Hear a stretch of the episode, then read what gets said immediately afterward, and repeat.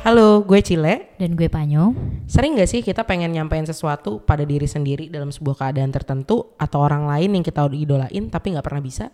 Karena sepanjang hidup mau udah sehebat apa pun seseorang selalu ada pesan yang gak bisa disampaikan. Kadang pesan-pesan itu akhirnya menguap aja tanpa penerima atau dibagikan di sosial media dan banyak menimbulkan tanda tanya.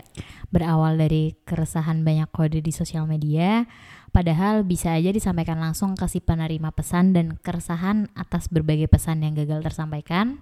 Makanya podcast macam pesan ini hadir. Karena langkah kita adalah juga pesan bagi yang lain. Semoga bisa konsisten membagikan berbagai pesan setiap minggu ya.